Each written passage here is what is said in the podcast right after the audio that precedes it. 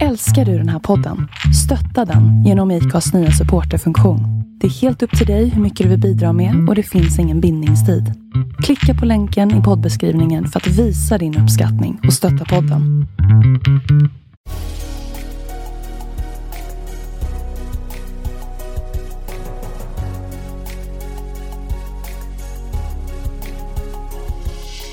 Välkommen till podden Vart är vi på väg? I denna podd intervjuar vi sociala entreprenörer och andra personer som är involverade i ekosystemet kring socialt entreprenörskap. Vi vill ge dig som lyssnare tips och inspiration till hur innovativa idéer och entreprenörskap kan vara lösningen på de samhällsutmaningar som vi står inför. Vi vill även inspirera människor till en livsstil med hållbara vanor och vi vill självklart lyfta fram alla fantastiska sociala entreprenörer i rampljuset. Välkomna till dagens avsnitt. Så roligt att ni är med och lyssnar och följer oss på den här resan framåt. Innan vi dyker in i dagens avsnitt så vill jag bara pusha lite extra för dig som vill följa oss och se vad som händer att gå in på våra sociala medier och följa oss under Vart är vi på väg? LinkedIn, Facebook, Instagram. Och den här gången så har vi haft med oss Katarina Stensson som är medgrundare av Chechesa. Hon är en mycket teknikintresserad tjej som växte upp strax utanför Örebro där mångkamp inom friidrotten var någonting som hon sysselsatte sig mycket med och just det här med att det var olika grejer, olika grenar passade henne väldigt bra och någonting som har följt med henne ända in idag när hon driver många olika projekt och gillar att sätta tänderna i nya saker. Det här är någonting som hon har fått med sig från hennes pappa som också gillar det här. Och eh, han är arkitekt och vid ett tillfälle så jobbade han i Bosnien och tog med sig familjen dit under ett år. Där fick hon nya perspektiv och en eh, världsbild som har eh, präglat vad hon väljer att göra idag.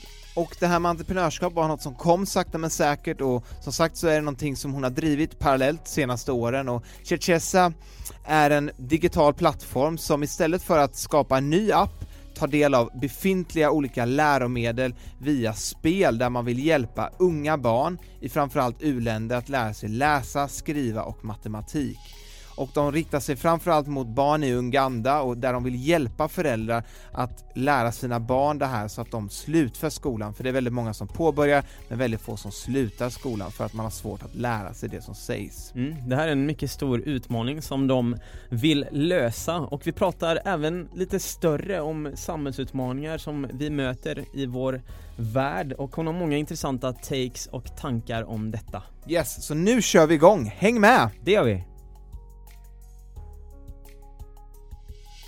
Välkomna till detta avsnitt som sagt. Vi sitter ju här idag igen på Hotel Clarion Sign som vi brukar göra, allt ja. som oftast. Ja, så är Och det. Eh, hur är läget idag Jon? Jo men det är bra tycker jag. Vi spelar in här på kvällen idag så att det handlar om att få igång lite energi här igen. Precis. Men vi, vi taggar igång helt enkelt och välkomnar dig Katarina Stensson hit till podden Vart är vi på väg?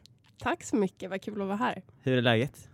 Det är bra. Jag, jag är lite förkyld så ni får ursäkta om jag sitter och snörvlar lite. Men eh, annars är det väldigt bra. Så det är inte så här att du är rörd och lite ledsen utan det är, det är näsan som rinner helt enkelt? Precis, precis. Det är höst, eh, hösttider nu. Så.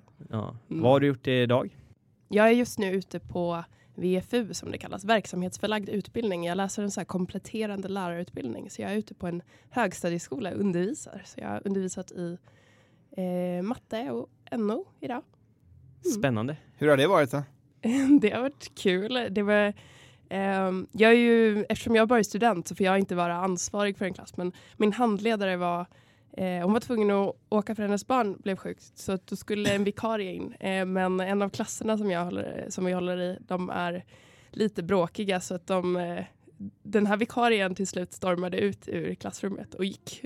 Men du höll dig kvar? ja, men jag känner ju dem härifrån. Jag har ju varit där ett tag, så jag känner ju dem. Så vi har ju liksom byggt en relation eh, och de är inte alls sådana mot, mot mig. Eh, så det löste sig. Ja, vad, vad behöver barn idag mycket av?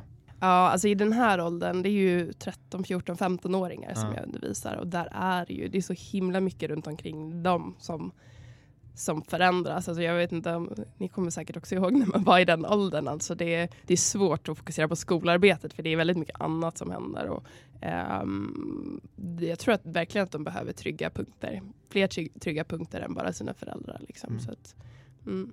Men om man eh, tittar till en typisk dag för dig då när du inte är på praktik eller ute så här. Hur brukar dina dagar se ut då?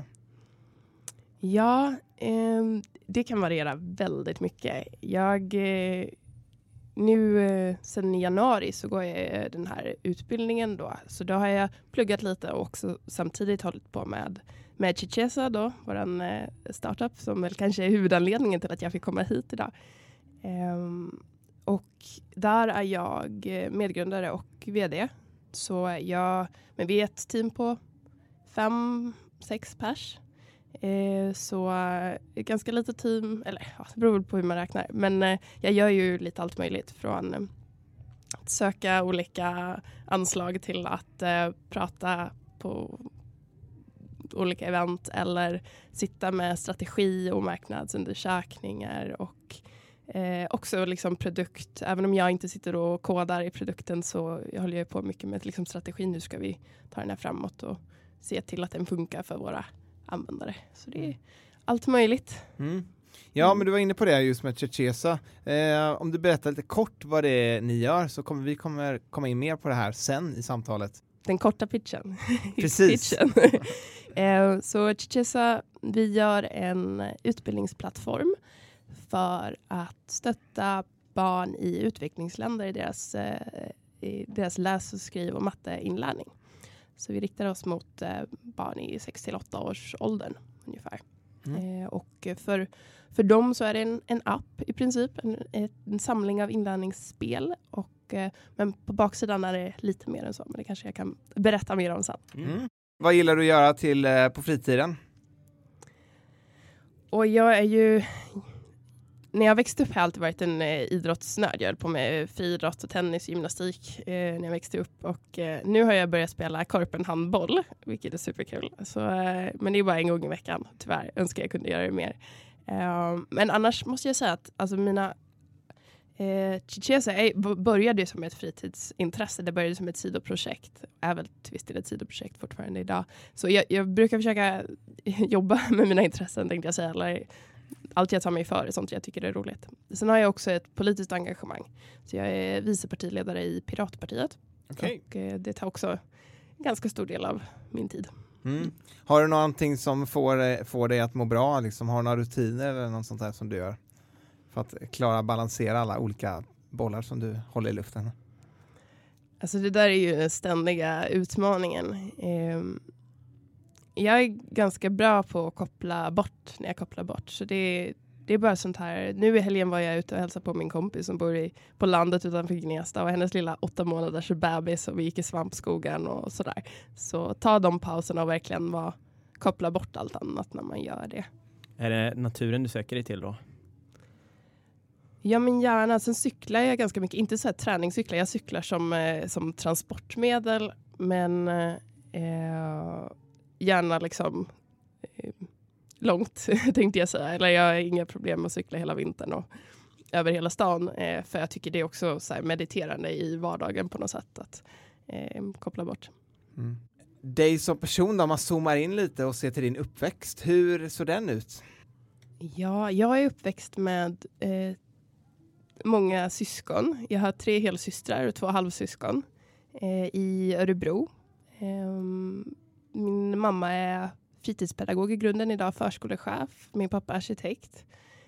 Um, hade egen firma. Det var lite knackigt. Där kom jag, jag har små minnen från det från eh, 90-talet. Eh, eh, men eh, annars haft en liksom, normal uppväxt skulle jag säga. Min pappa jobbade en del utomlands. Jag bland annat bodde i Bosnien ett år.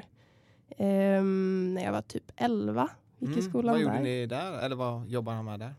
Så han jobbade med kulturbyggnadsvård, så restaurering av, av byggnader som hade ja, mm, gått sönder framförallt i kriget men också av andra anledningar. Eh, han byggde upp moskéer och bibliotek och det ena och andra. Eh, så vi, ja, vi hängde med. Vi gick på internationella skolan där, jag och min stora syster. Eh, så det var ju verkligen en, en upplevelse och någonting som man kanske tar med sig. Även om det inte kändes så himla speciellt då så är det ju någonting som eh, man får ändå en sorts ja, men bara upplevelsen att ha levt en, eh, på ett ställe som är rätt annorlunda. Eh, man får lite bredare förståelse tror jag för, för, för olikheter. Ja, för många vi haft med som har haft en bakgrund och bott utomlands så där brukar ju säga liksom det återkommande att ja, man lär sig ganska ung ålder att få en bred världsbild Mm. och förstå liksom, ja men kanske få ett intresse av att se så här hur gör andra och hur kan vi hjälpa andra och så där. Är det någonting som du också har hjälpt dig i det liksom?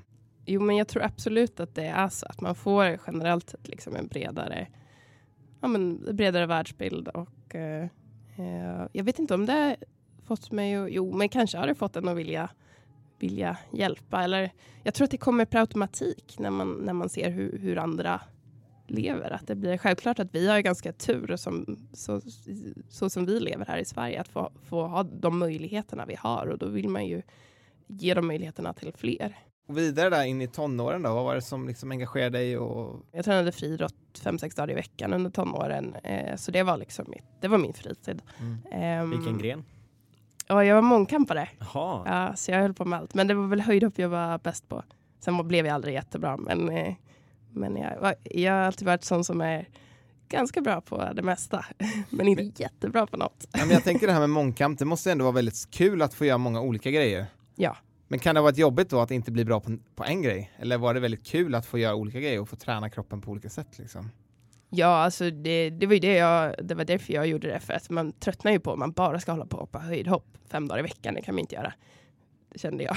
Man får variera sig lite liksom. Och det här med liksom samhällsfrågor och olika utmaningar och sådär, är det någonting som du engagerar dig i på något sätt i ung ålder eller har det kommit på senare år?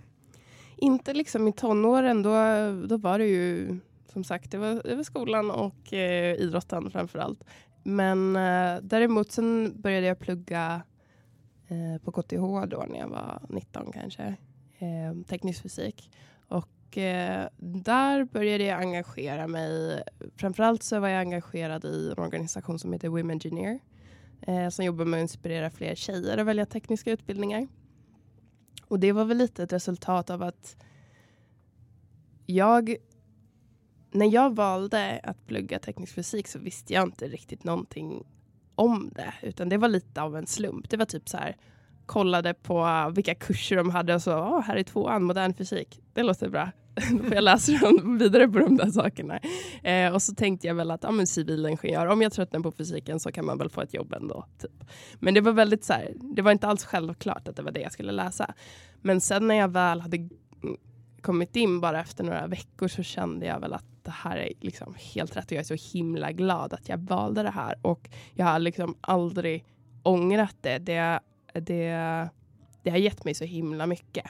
Och eh, bara den här insikten att det är en massa unga, framförallt tjejer, även vissa killar, som, som eh, väljer bort ingenjörsyrket eh, för att de helt enkelt inte vet vad det innebär och inte ser möjligheterna med det.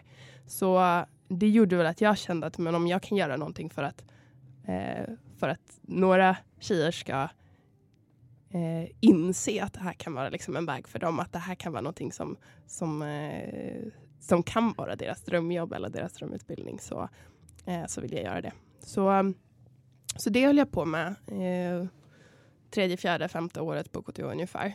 Eh, jag var projektledare, började som bloggare där som eh, projektledare och så startade vi upp ett event som heter Introduce a Girl to Engineering Day som sen har fortsatt. Eh, Jag var, var projektledare för det första året då men det har fortsatt så det hålls väl för sjätte året i år eller något sånt där.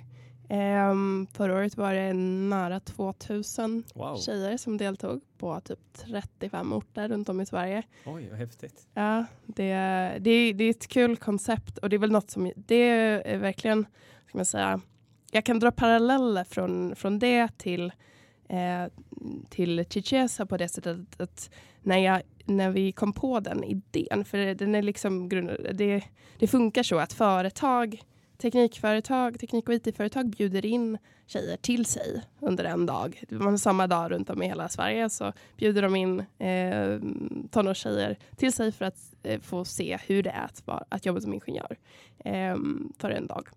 Eh, och det jag väl såg i den idén var att det här är faktiskt skalbart. Om vi ska arrangera någon sorts event eh, eller festival eller någonting så är det svårt att få det att växa. Det krävs en stor organisation och så vidare om vi ska kunna få det här att bli någonting som påverkar många.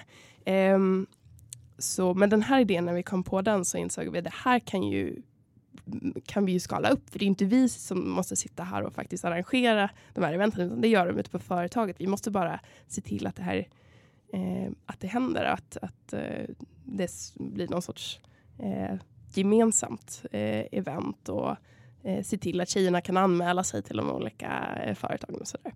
Så den här, det här med liksom, vad är det som gör, vad är en skalbar idé? Um, det är något som jag liksom, det är sånt som jag tänker ofta på när jag ser olika projekt och olika saker. Är det, är det värt att, att göra det här? Är det värt att göra det? Mm. Eh, kan vi skala upp det så att det faktiskt har impact? Om vi pratar om, om impact. Eh, det är liksom en av, en av de viktiga eh, delarna i, i socialt entreprenörskap också, tycker jag. Är det någonting som du går igång på, skalbara idéer som folk kommer med? Tänker ja. du så här, det här vill jag ha med i? Ja, ja men det tror jag. Alltså, inte vad som helst. Nej, men det är klart. Mm, men eh, absolut, för att jag ska se potential i en idé så ska det gärna vara skalbart. Alltså, man vill ju ändå på något sätt, det, det är klart att det är jättevärdefullt att påverka en person eller två personer eller fem personer. Men om man kan påverka en miljon personer så är ju det mycket, mycket bättre. Mm. Eh, sen är det ju inte alltid så, så att de, de idéerna som påverkar en miljon personer har lika mycket effekt på varje person som om du faktiskt till exempel är mentor för en person och verkligen kan göra skillnad för den. Så kanske inte en app för en miljon personer gör lika mycket skillnad för varje person. Eh, så man måste ju se till båda delarna såklart. Men eh, där jag tycker det är kul med skalbarhet och faktiskt kunna nå, nå många. Mm. Men eh, på KTH där när du började driva olika projekt och där med Women Engineer, mm. eh, var det naturligt för dig att komma in i en sån roll? Har du gjort sånt till, tidigare tillbaka i, under uppväxten? Nej, jag har ju egentligen inte det, men jag har väl alltid varit ganska så strukturerad och eh, um, ja, jag har inte drivit någon av den typen av projekt, utan då har det ju varit för min egen liksom för att jag ska utvecklas på olika sätt. Um, men det började väl lite smått. Jag var eh, först eh, säga, ordförande för eh, idrottsnämnden på fysiksektionen ordnade typ så här, jag ordnade skidresor till Åre och sånt där. Så det var väl så här, det var väl den första rollen jag hade där jag fick lite ansvar. Sen var jag fadder, förfadder ehm, eh, när jag gick i tvåan. Det var också då har man lite ansvar för de nya studenterna och sådär. Så det kommer lite i taget. Men sen efter eh, studierna och, och, och, lite jobb så hamnade du ju och drog igång Chechesa. Mm. Hur kom du in på det här entreprenörsspåret? Ja, det var ju inte alls från liksom, entreprenörsperspektiv från början, utan det började ju liksom ur problemet. Jag har alltid um, tyckt att, alltså, just det här att vi är så lyckligt lottade som har hela vårt utbildningssystem. Det här att man kan plugga gratis på universitetet. Jag tror inte att vi eh, liksom uppskattar det så mycket som vi borde. Um, jag tycker ju att kunskap är väldigt viktigt. Eh, något som kommer in för mig även inom liksom, mitt politiska engagemang. Att vi behöver ha liksom, politik som, som baserat på evidens och, och, och kunskap. Att vi måste ha en förståelse för varandra och så. Um, och just det här att tillgång till utbildning, eh, den är ju väldigt, väldigt begränsad i många delar av världen. Och eh, det var något som jag hade börjat fundera lite på. Sen så såg jag en tävling som heter Global Learning X-Prize som eh, jag bara kände att den utmaningen de hade i tävlingen kändes liksom intressant. Det handlade om just det, eh, typ bygga en app för läs och skrivinlärning eh, i Östafrika. Och eh, så jag lyckades samla ihop ett litet team och så, så anmälde vi oss till den här. Eh, så började vi göra research. Eh, men ju mer vi gjorde research så insåg vi väl att just det som de letade efter i tävlingen tyckte vi inte riktigt var det som behövdes. Um, framförallt såg vi att det finns ju jättemycket bra digitalt utbildningsmaterial i världen. Om man kollar på typ App Store så finns det så här 10 000 utbildningsappar. Nu är det massa olika saker, inte bara läsa och skriva och matte. Liksom. Och vi, samtidigt såg vi att i till exempel Uganda där vi jobbar nu så är det ingen som använder någon av de här utbildningsapparna som finns. Eh, och vi kom väl fram till att det var dels på grund av att det finns kulturella hinder. De är inte relevanta alltid. Eh, jag brukar ge som exempel en app som vi eh, hittade där de liksom ska lära sig stava och så ska de stava till eh, cab. så var det en bild på en så gul New York-taxi vet ni. Um, och dels så använder de ju brittisk engelska i Uganda, så det är ingen som vet vad en cab är, eh, utan de använder ordet taxi. Men de har ju heller inte aldrig sett någon gul taxi. Liksom. Så det är liksom ganska enkelt. Västvärlden försöker använda sina referenser kanske för Ja, eller i västvärlden använder vi vissa referenser som liksom är, mm. vi känner till dem. Ja. Vi fattar, även om vi inte har gula taxis här alltid, så fattar vi att det är en Ja men precis, man använder våra referenser för en annan grupp människor ja. kanske. Ja, eh, eller snarare det är inga som har gjort det för dem. Nej. Utan det finns ju alla de här som är på engelska och visst de har engelska som, engelska som sitt officiella språk i Uganda men det innebär inte att allt som är på engelska funkar för dem. Eh, så det är väl ett problem, det kulturell, att det inte är kulturellt relevant. Sen är det också sånt här som att eh, data är väldigt dyrt i Uganda, så här praktiska hinder. Så du ska helst funka offline eller vara väldigt eh, datasnålt. Liksom. Och sen är det helt enkelt ingen som riktar sig mot de här länderna. Framförallt för att man inte ser någon ekonomisk potential kanske. Eh, och då är det många som inte ens vet om att det finns saker. Eh, så vi tänkte, ska vi inte istället använda det här som finns och se till att det funkar för den här målgruppen? För det tar tid att utveckla bra digitalt utredningsmaterial. Eh, så det, det vi bestämde oss för att göra då. Vi lämnade den där tävlingen och sen istället så byggde vi som en, en open source-plattform där vi kan, som är modulär så vi kan koppla på olika utbildningsspel eh, eller annan typ av content. Eh, och sen så försöker vi jobba med etablerade företag, forskare som har någon typ av, av material redan. Eh, som, som vi vet funkar gärna. Att det har någon, no, någon typ av, att det är forskningsbaserat eller eh, har testats. Eh, och sen så eh, kan vi koppla på det på vår plattform och eh, jobba med dem för att försöka anpassa det för målgruppen i design och vad man använder för ord och sånt där. Eh, så där jobbar vi också med lokala organisationer i Uganda. Eh, framförallt då för att, ja, för att få det rätt liksom och för att testa och sådär. Hur var det när du skulle pitcha in den här idén till dina teamkompisar då i, till den här tävlingen? Att, eh, gick de igång på det på samma sätt som du? Ja, några gjorde ju uppenbarligen det. Det var också lite så här, någon kompis som, som var, ja, jag kan ju inte, men jag kanske, jag har en kompis som som intresserar sig för det där. Så jag kopplar ihop er och, så, och hon är fortfarande, hon kom, blev intresserad och hon kom med i teamet. Så att, eh, det var väl eh, lite lite sådär olika. Sen har vi bytt, bytt lite teammedlemmar sedan dess. Jag tror att vi är väl eh, två det är jag en till som var med från första, första början och sen en till som kom in tre månader senare som fortfarande är med. En som kom in ytterligare två månader senare som fortfarande är med. Men det här var ju kanske fyra år sedan. Uh, så vi har hållit på med det ganska länge men det har liksom växt lite i taget som ett, som ett sidoprojekt. Och sen startade vi upp det som bolag för ett år sedan ungefär. Okej. Okay. Hur såg den processen ut att ni ändå valde att gå över till ett eh, aktiebolag och det kanske blir mer än ett sidoprojekt? Mm, det var ju att vi såg eh, att om vi... Det var ju det här med skalbarhet, tänkte jag säga. Men just här, ska vi nå... Ska vi verkligen ha effekt, ska vi kunna nå många, då måste vi hitta eh, sätt att eh, finansiera oss själva. Liksom. Att få, in, få inkomster så att vi kan växa. Eh, vi kan inte vara beroende av liksom, projektbidrag eh, och sånt, för då kommer inte vi kunna göra det på den skala som vi ville och alla i teamet var väldigt motiverade att det här gör vi för att vi gör det. Vi har också gjort plattformen på ett sätt som det ska vara skalbart just. Um, och uh, då gjorde vi, ja, vi gjorde lite research och funderade på hur kan vi kan man skapa en affärsmodell runt det här och vi vill fortfarande inte så här 100 procent så blir det väl aldrig att man är 100 procent klar med sin affärsmodell utan det får man liksom tweaka lite efterhand. Men vi har hittat liksom att eh, sätt som vi tror eh, att vi kan eh, ja, ha en inkomst från det. Mm. Och exakt då den här plattformen, ni kopplar in olika tjänster som finns. Hur funkar det här och är den här plattformen i sig då någon app som tar in allt det här och sen ger ut det genom ett samma interface eller hur funkar det? Ja, det är en webbapp i princip.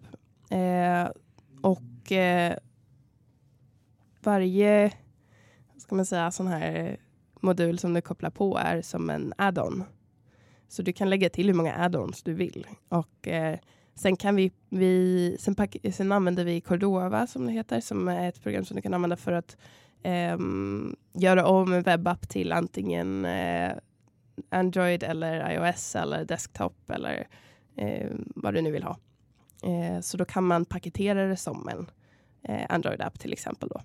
Eh, och Eh, det går att göra på olika sätt. Antingen kan man paketera det med alla de här eh, add-onsen, alla de här modulerna, alla spelen. Eller så kan man eh, paketera det utan och att man ger användaren en möjlighet att välja addons, Alltså välja vilka inlärningsspel de vill ha. Eller vi kan efterhand, så lite så vi löser det här problemet med att ehm, eh, eh, med offline och att, att data är dyrt, eller, ska säga, eller att vi inte kan ha för stor app från början men ändå få möjlighet att, att eh, leverera mycket material. Det kan vi göra genom att vi har någon sorts progression att de kan ladda ner en liten del i taget efterhand och sådär. Och om man kollar på den här affärsmodellen som ni har tweakat och kommit fram till som ni ändå eh, har satt lite grann då. Hur, hur ser den ut och hur, hur kommer ni att kunna skapa också intäkter på det här? Mm. Eh, det, vi, det vi har kommit fram till är att vi framförallt vill att användaren ska vara kunden, eller föräldern är kunden i princip. Eh, det finns ju en del eh, eh, företag som jobbar mot eh, utvecklingsländer som försöker hitta en kund i till exempel FN-organisationer eller olika typer av sponsorskap och sånt. Och vi kan se det som en så här komplementära inkomstströmmar. Men eh, på lång sikt så, så ser vi att det, det är mest hållbart om vi har eh, användaren i fokus och användaren som kund. Och eh, många av de länderna som vi riktar oss mot så har vi en positiv liksom, ekonomisk utveckling eh, BNP-ökning på typ så här, eh, 6-7 procent per år. Eh, har en liksom, börjar komma fram en, en medelklass. Eh, vi har en, en, framförallt en grupp där vi kan se i Uganda specifikt, där är det eh, många som börjar skolan. Det är ungefär 96 procent som börjar skolan. Men det är bara strax under 40 procent som Oj. går klart grundskolan men bara ungefär hälften når, eh, kan faktiskt läsa eh, efter, alltså kan, har funktionell läskunnighet som man brukar kalla det. Alltså inte bara att de kan liksom bokstavera försiktigt av ett ord utan de faktiskt kan läsa. Eh, och eh, det innebär att vi har liksom 80 procent av befolkningen som inte kan det. Och Eh, det tycker vi är ett, ett superstort problem. Eh, så vårt mål är liksom att fler av dem som börjar skolan ska kunna gå klart om de får bättre stöd under vägen. Ehm, och det är jättesvårt att nå dem som är allra fattigast. Eh, bara att rent, rent liksom fysiskt komma i kontakt mm. med dem eller nå dem på något sätt. och sen så har de dessutom inte tillgång till några smartphones eller så. Däremot har vi en liksom mitt, mittensegment där många fortfarande droppar av skolan men där föräldrarna börjar ha smartphones, fler och fler av dem. Eh, och, men det här är också de är på den nivå att deras, deras barn går i statlig skola. Den ska egentligen vara gratis. Den är inte riktigt gratis för de måste betala för material och skoluniform och saker. Eh, men de lägger mycket av sina, sina intäkter faktiskt på sina barns utbildning. Eh, men barnen kommer tillbaka efter tre, fyra år och kan fortfarande inte läsa trots de här investeringarna. Eh, och föräldrarna känner att de inte har någon makt. De vet inte hur de, de vill hjälpa sina barn, de vet inte hur de ska hjälpa sina barn. Och de, de enda alternativet som finns egentligen är att sätta dem i en dyr privatskola och de pengarna har de inte. Så det här liksom mittensegmentet, är de framförallt vi försöker mm. nå. Eh, och det är där vi, vi hoppas att vår plattform kan vara som ett, ett effektivt komplement till skolan som kan gör, hjälpa de eleverna att göra bättre ifrån sig i skolan. Jag läste idag att Världsbanken släppte en eh, rapport att där de eh, då tror att 2030 så kommer 90 procent av alla världens fattiga eh, bo just i Afrika. Eh, och vad tror du att det beror på? De säger att BNP-ökningen liksom bromsar in i många afrikanska länder. Och, eh, vad tror du? Ja, i vissa afrikanska länder, framförallt där det är konflikter, så är det ju så. Eh, sen tror jag också det handlar om att eh, jag har hört att 50 procent av världens unga kommer att leva i Afrika 2050 eller något 2040, jag minns inte exakt. Alltså, och det beror ju på att vi har, det, ehm, det är det enda delen av världen egentligen där det fortfarande är hög, eh, hög, högt barnafödande. Alltså vi har, varje kvinna får många barn, vilket innebär att eh, det föds inte lika många barn i andra delar av världen, så fler och fler av de unga som föds föds i Afrika. Eh, vi har stor befolkningstillväxt fortfarande i många länder. Det är ju ett problem i Uganda till exempel och många andra att man inte hinner med att bygga ut till exempel skolor i samma takt som, eh, som det kommer nya barn. Eller i, i samma takt, men inte i högre takt, så man kan inte förbättra eh, förhållandena. Eh, och jag antar att det här att det, hör, liksom, det är lite samma grej där med, med fattigdom. Att, att det är framförallt att andra delar av världen eh, blir rikare och får det bättre. Eh, och det går inte lika snabbt framåt i Afrika. De ligger liksom på efterkälken även där. Ehm, och det är nog därför 90 procent av de fattiga kommer eh, finnas i Afrika. Det betyder ju inte att 90 procent av dem i Afrika kommer vara fattiga. Eller vad man ska säga. där, där är utbildning extremt viktigt. Mm. Också för att skapa förutsättningar och där ni kommer in och kan vara just ett komplement. Hur har det gått hittills då för Chechesa? Vad, vad har ni uppnått? Mm. Inte så mycket än måste jag säga rent så resultat, alltså inte så här i, i inlärningsresultat eh, eh eftersom vi fortfarande är i ganska tidig fas. Vi har inte så många användare. Men vi har kört ett pilotprojekt i Uganda som sagt tillsammans med Lokal Partners. De, det är en ideell organisation som har eh, ett litet digitalt center på landsbygden i östra Uganda. Långt ute i ingenstans. Eh, och där har vi kunnat köra en sorts pilotverksamhet det ligger in till en skola så det funkar lite som ett så här, fritidshem nästan. Alltså de, barnen kan komma dit efter skolan och så finns det ett antal tablets och så kan de spela våra spel. Och då har vi kunnat testa där. Så vi har varit nere i ett par omgångar och kunnat testa med barnen. De har kunnat prata med lärarna, prata med föräldrarna. Eh, och sen så har det här hållit igång även när vi inte har varit där. Vi har kunnat fått lite rapporter, lite feedback och sånt. Eh, och där har vi faktiskt, vi har inte så kvantitativa resultat men eh, utan det är från föräldrar och framförallt från lärarna på skolan som, som har sagt att eh, de kan se förä eh, positiv förändring framförallt i barnens engelska. Eh, vokabulär och uttal. Eh, där är ju, I Uganda så finns det typ så här 90 olika lokala språk. Oh, något wow. sånt. wow. Ja, så att, eh, även om engelska är officiella språket så är inte det de här barnens modersmål. Och så, så börjar de skolan och så ska de lära sig engelska och undervisningen är på engelska.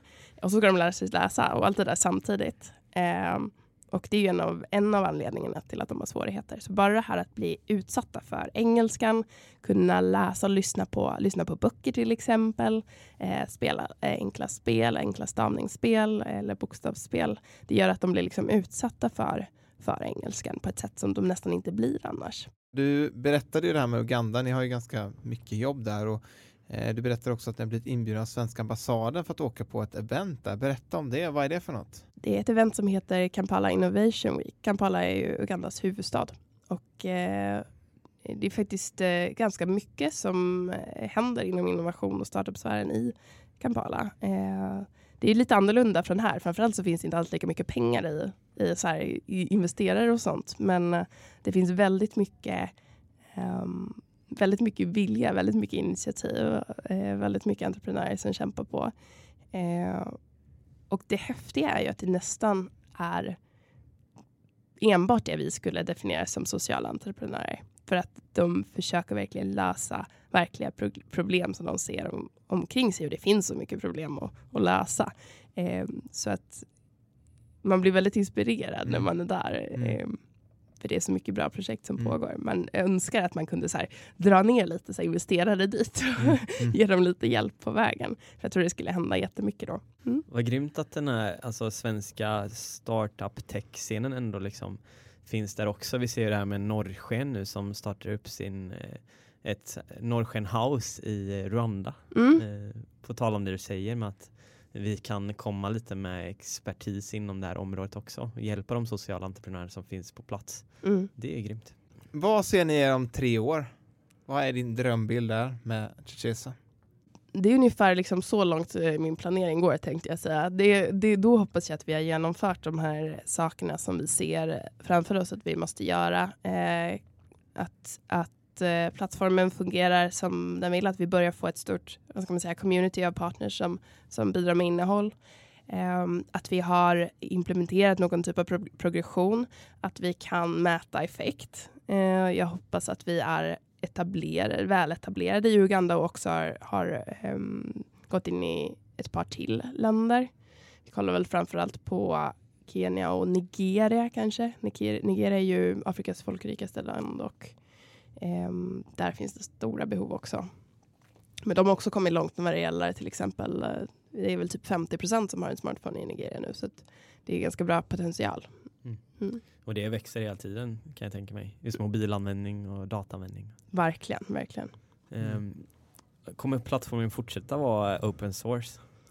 Ja, plattformen, själva plattformen är open source, eh, men vi kan, eftersom att vi har den struktur vi har så kan vi eh, kombinera med eh, proprietärt material. Så våra partners som lägger till sina moduler, de behöver inte lägga dem open source, utan de kan vara eh, skyddade. Eh, så kan vi kombinera på det sättet. Okay. Sen så kan det vara vissa funktioner som vi implementerar som vi väljer att hålla proprietärt. Men eh, det ska gå att Eh, ja, men dels, så, dels så har vi open source för att vi vill eh, att fler ska kunna, både att fler ska kunna använda det och att fler ska, ska kunna bidra till att göra det bättre. Det finns ganska starkt stöd idag att om man, om man bara har, har eh, bra skötsel av sina open source-projekt så, så går, går det väldigt bra. Det ger väldigt mycket att ha det öppet för att man får tillgång till så mycket expertis som man inte har annars. Att hitta fel och, och eh, göra förbättringar. Så vi, vi vill ha det så. Mm. Vad är det för personer som bidrar till open source-projekt? Eh, hur, hur hittar de ert projekt till exempel? Ja, nu har ju vi inte så många Eh, utifrån som bidrar i nuläget ännu. Men uh, open source-projekt generellt det är väl ofta så att man uh, hittar det genom att man själv kanske vill använda någonting. Det är väl det vanligaste med open source-projekt. Att uh, jag vill ha en bra sån här, vad det nu kan vara. Och ja. sen så Eh, vill man själv ha lite kontroll kanske över hur, det kan vara sånt här om hur ens data används till exempel. Att man vill inte betala för det kan vara också en sak. Um, eller man vill kunna göra förändringar själv i koden för att man vill lägga till egna funktioner. Så det är väl liksom det vanliga att man, man vill ha någon sorts egen kontroll över det och inte bara ta en produkt som finns. Um, då, och då har du folk som kan tech eller folk som är utvecklare, då blir det lätt att de blir man blir engagerad också eller man kan hjälpa till för man har förslag på hur det kan förbättras eller man vill ge tillbaka. Om man nu får någonting gratis så vill man också ge tillbaka till, eh, till andra. Liksom. I den här podden så pratar vi om socialt entreprenörskap och eh, vi brukar alltid fråga våra gäster vad det betyder för dem och vad är socialt entreprenörskap för dig helt enkelt?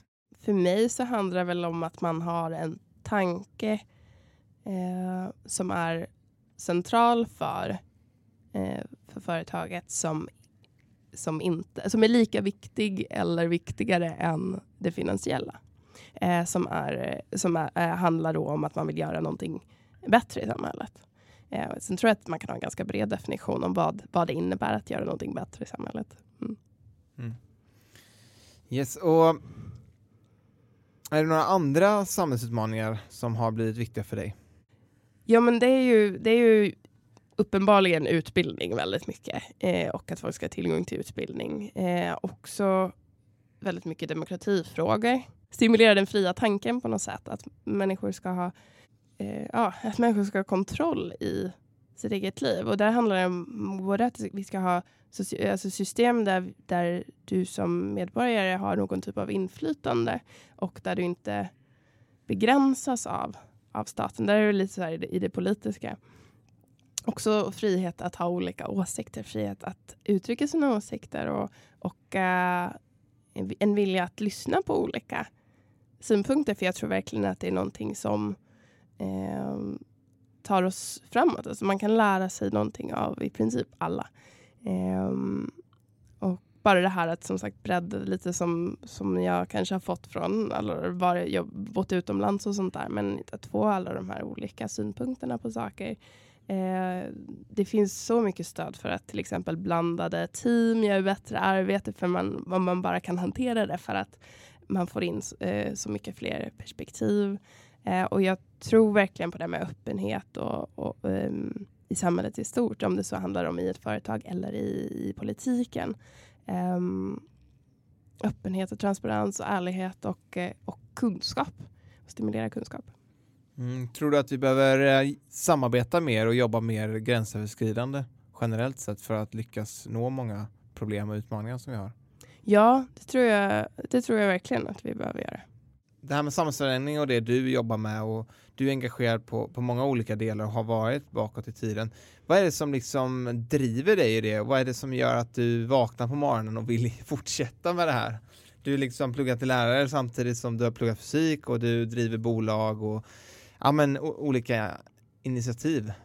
Vad är det som gör att du vill göra det här varje dag? För mig är det nog det största motivationen att, att uh, jag hela tiden lär mig. Jag, jag trivs, alltså jag älskar att, att lära mig nytt och känna att jag utvecklas. Um, det driver mig jättemycket. Uh, och sen den andra aspekten är att, att det man gör känns meningsfullt för någon annan också. Um, det, är, det är nog de två sakerna. Kan du känna att när du är ute bland jämnåriga med dig och, eh, och så, kan du känna att det här är ett genomgående tema som mer och mer växer idag? Eller är det fortfarande en, en viss klick som, som engagerar engagerad i de här frågorna och, och drivs av det? Jag vet faktiskt inte. Alltså det är ju, det känns ju som att folk idag och det finns ju många undersökningar som också visar att till exempel vår generation och yngre generation har större krav på att eh, en arbetsplats till exempel ska ge dig möjligheter att utvecklas, att det ska vara schysst eh, liksom, och att, att man gör någonting meningsfullt. Um, och vissa kallar det för att det är, liksom, vi är bortskämda, men jag ser det mer som att vi går framåt som samhälle och um, det är inte så konstigt att vi vill ha mer idag än bara liksom ett jobb. Mm. Men när du spelar handboll till exempel och, och träffar dem du spelar med, ska vi inte hänga ut just dem, men, men liksom som ett exempel, det här du jobbar med, liksom, är det, tas det emot så här, åh vad spännande liksom, eller är det mer så här, Ja, okej, vad gör du liksom? Eller du vet, förstår ja, vad jag menar? Ja, men nej, jag får också ofta väldigt positiv respons. Mm. Det är väl att eh, folk är så här, oj, hur kan du göra så mycket saker? Ja, ja, hur hinner du med allting? Ja, men, eh, nej, men det är ofta, eh, nästan alltid väldigt positivt. Ja. Mm. Vi pratar ju om samhällsförändring och samhällsutmaningar just nu och om vi blickar lite större och tar det här i ett tioårsperspektiv. Eh, de utmaningar som vi står inför i samhället, kommer vi ha löst många av dem? Eller är du liksom pessimistisk eller är du mer optimistiskt eh, inriktad till det här? Alltså om vi, ser, om vi kollar så tio år tillbaka och hur stor skillnad det var då mot nu.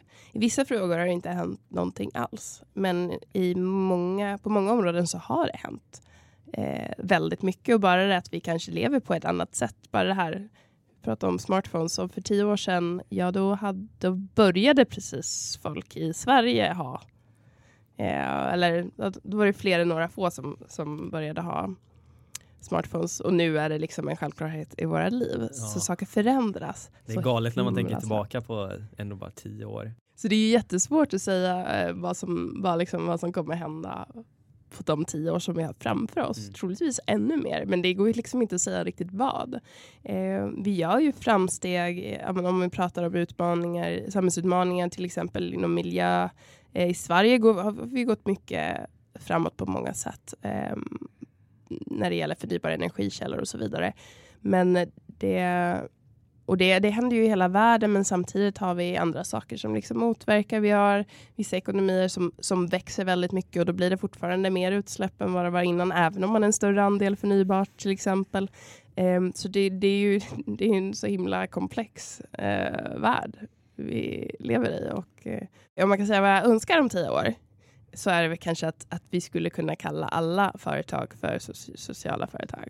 Mm. Alltså att alla företag har det som lika viktigt att man gör ett positivt avtryck i samhället som att man tjänar pengar. Ja, men jättespännande samtal som vi har haft och, och, vi tänkte gå lite mot landning och avsluta med det här med tips som vi alltid brukar ha eh, och eh, ställa frågan till dig och du får ge oss dina bästa tips. Ni är ju ett väldigt tidigt skede som startup och det här med finansiering då, du var ju inne lite på det innan att ni har ju mest drivits av lite mm, olika stipendier och bidrag och så här som ni har fått. Eh, vad har varit viktigt i den resan för er, liksom att ändå säkra vissa medel eh, och hur har ni liksom burit er åt? Liksom, hur har ni tänkt där? För att ändå klara av att driva verksamheten framåt? när vi, man håller på så länge som vi har gjort vid sidan av heltidsjobb, liksom, hur orkar man i längden? Eh, och där måste man ju ha liksom en ganska, så här, ganska mycket tolerans i teamet, ganska mycket flexibilitet. Man får liksom, men man måste ju samtidigt också se till att man går framåt. Så det här i, i, handlar om att hitta, hitta en balans i, i att vara avslappnad med, med saker, men också ha liksom deadlines som man gemensamt har bestämt att jobba mot eh, och så vidare. Eh, och det är jättesvårt. Det, det, det har jag nog svårt att liksom så här, lära ut. För att det är något som man, det tar liksom, det är små detaljer som tar tid att få in. Så det är liksom bara att testa och lära sig. Och eh, vidare då, ditt bästa tips till en entreprenör som vill komma igång med en idé. Vad gjorde ni när du hade den här idén? Hur, hur kom du liksom igång med att kunna forma det här till något konkret att jobba med med ditt team? Alltså det första, det absolut första är ju att prata med folk. För det första är ju att hitta teamet. Alla får hjälp av någon mentor eller vad det nu kan vara. Så prata med folk, var inte rädd att prata med folk om din idé och försök liksom hitta folk som, som tänker som du och som är peppade. Eh, och sen så är det i princip bara att göra research skulle jag säga. Gör någon sorts strukturerad eh, research för, för att försöka ta reda på vad är verkligen problemet. Oftast jag vet inte, ibland börjar man ju från en idé om någonting man vill skapa. Ibland börjar man från ett problem som man vill lösa. Börjar du från en idé så måste du, blir ju din research att försöka hitta vilket problem kan egentligen den här idén lösa? Är det någon som skulle vilja skulle använda den? Eh, och, eh, eller kanske behöver du göra det lite annorlunda. Om när du gör din research kanske du inser att eh, du kanske hittar ett problem, men det kanske var lite din lösning kanske inte var exakt eh, lösningen, eller din idé var kanske inte exakt lösningen på det problemet, men då kommer du på en annan idé eh, kop alltså, kopplat till det. Eh, Medan om du, om du utgår från, en, eh, från ett problem istället så, så handlar det ju om och att eh, gräva sig djupare ner i liksom, vad är det egentligen, vem är det som har det här problemet? Eh, eh varför har de här problemet? Vad är det de saknar? Vad är det de egentligen hur försöker de lösa problemet idag? Finns det något liksom men verkligen så gräva ner sig i vad, vad är det verkligen som behövs och hur skulle man och sen vara väldigt öppen med idéer hur man ska, skulle kunna liksom börja, börja stort och tänka liksom, stort och smått. Vad, hur kan man lösa det? Uh, har man sen har man, sin, har man sin problem och sin målgrupp och sin idé, då är det sen bara att, köra och uh, igen prata med så mycket folk som möjligt för att alltså, alltså suga i dig så mycket kunskap du kan få och ta så mycket råd du kan få. Det gäller även i det här, du pratade, nämnde finansiering tidigare, när man ska söka bidrag och så här, göra ansökningar och grejer. Ta, in, ta in liksom hjälp, be folk eh, hjälpa dig formulera eller kolla igenom. Eh, alltid liksom, ta hjälp, så, så mycket hjälp du kan. Mm. Mm. Jag tyckte det, det, du sa där, just det här med att ibland kan du ha en idé och så hittar du problemet och sen så märker du att du måste forma om idén. Det är mm. väl också viktigt att man inte får hålla för hårt vid det ursprungstanken man har utan vara öppen för att forma den utefter den research då man kanske gör om man hittar andra svar eller andra lösningar som man behöver forma det till. Utifrån det här du sa med den här äh, tävlingen som du faktiskt skulle varit med i från första början, där du insåg att men det de utsökte eller utlyste var egentligen inte kanske ett, re, eh, ett relevant problem att lösa eller hur du sa utan du hittade en annan grej du ville göra och istället gick den vägen. Mm. Att faktiskt någonting kan leda in på något helt annat mm. och låta det få ta den eh, svängen. Ja precis och inte liksom gå för långt i att skapa den här, alltså göra en verklighet av den här eh, idén förrän du vet att den faktiskt löser, eller vet, man kan aldrig veta det 100% men förrän du har ganska mycket stöd för att det här faktiskt löser ett verkligt problem. Mm. Uh, för annars kan det ju hända att du bara lägger ner tid i onödan. Mm. Mm. Och har du något så här favorit socialt företag eller någon entreprenör som du tror extra på framöver? Förutom er själva då? Jag måste nästan lyfta en annan av de här som ska vara med i Kampala i Uganda nästa vecka som också är ett svenskt företag som är aktiva i Uganda. De heter Adressia tror jag, eller något sånt där. Ja, Adressia. Ja, mm. så kanske det uttalas. Ja. Eh, de håller ju på, de skapar ett system för adresser. Det är ju, och det är ju någonting som är ett jätteproblem som vi inte tänker på, men det är ju ett jätteproblem i många länder att det inte finns liksom då hela e-handelsgrejen till exempel funkar ju inte om du inte har någonstans att skicka mm. grejerna och eh, även så här myndighetspost och det är massa saker som inte det där adresssystemet liksom är fundament för att det ska gå att göra. Och eh, de håller på att lösa det med, med ett, eh, ja, ett tekniskt system. Ja, jag har hört talas om dem. Det är verkligen eh, spännande. Och mm. eh, då leder det ändå in på frågan också vem du skulle vilja se intervjuas i den här podden. Jag har träffat några gånger hon som är vd där och grundare, Caroline Bero, Beronius, tror jag hon heter. Så hon skulle säkert vara intressant att prata med. Mm. Vi eh, är väldigt glada över att vi har fått ha dig som gäst här idag. Eh, och eh, har haft ett väldigt eh, spännande och bra samtal tycker jag. Ja, absolut. Och eh, får tacka dig så jättemycket. Tack för att jag fick vara med. Ja, och lycka till med allt framöver. Tack. Tack så mycket för att du har lyssnat på dagens avsnitt. Glöm inte bort att följa oss i sociala medier. Vi finns på Facebook, Instagram och LinkedIn och även vår hemsida vartarvipavag.org. Och om du har möjlighet får du jättegärna gå in och ratea våran podd på iTunes. Yes, och för dig som vill ta del av podden ytterligare så tycker jag att du ska gå in och signa upp dig för vårt nyhetsbrev där du varje vecka får en liten kort resumé av avsnittet men också de bästa tipsen och de bästa insikterna från gästen som vi har haft med oss. Eh, så om du har varit ute på språng och inte haft möjlighet att anteckna något så gör det ingenting utan du får det på ett mail veckovis. En riktigt bra deal helt enkelt. Så se till att signa upp dig så fort som möjligt så ses vi nästa vecka igen.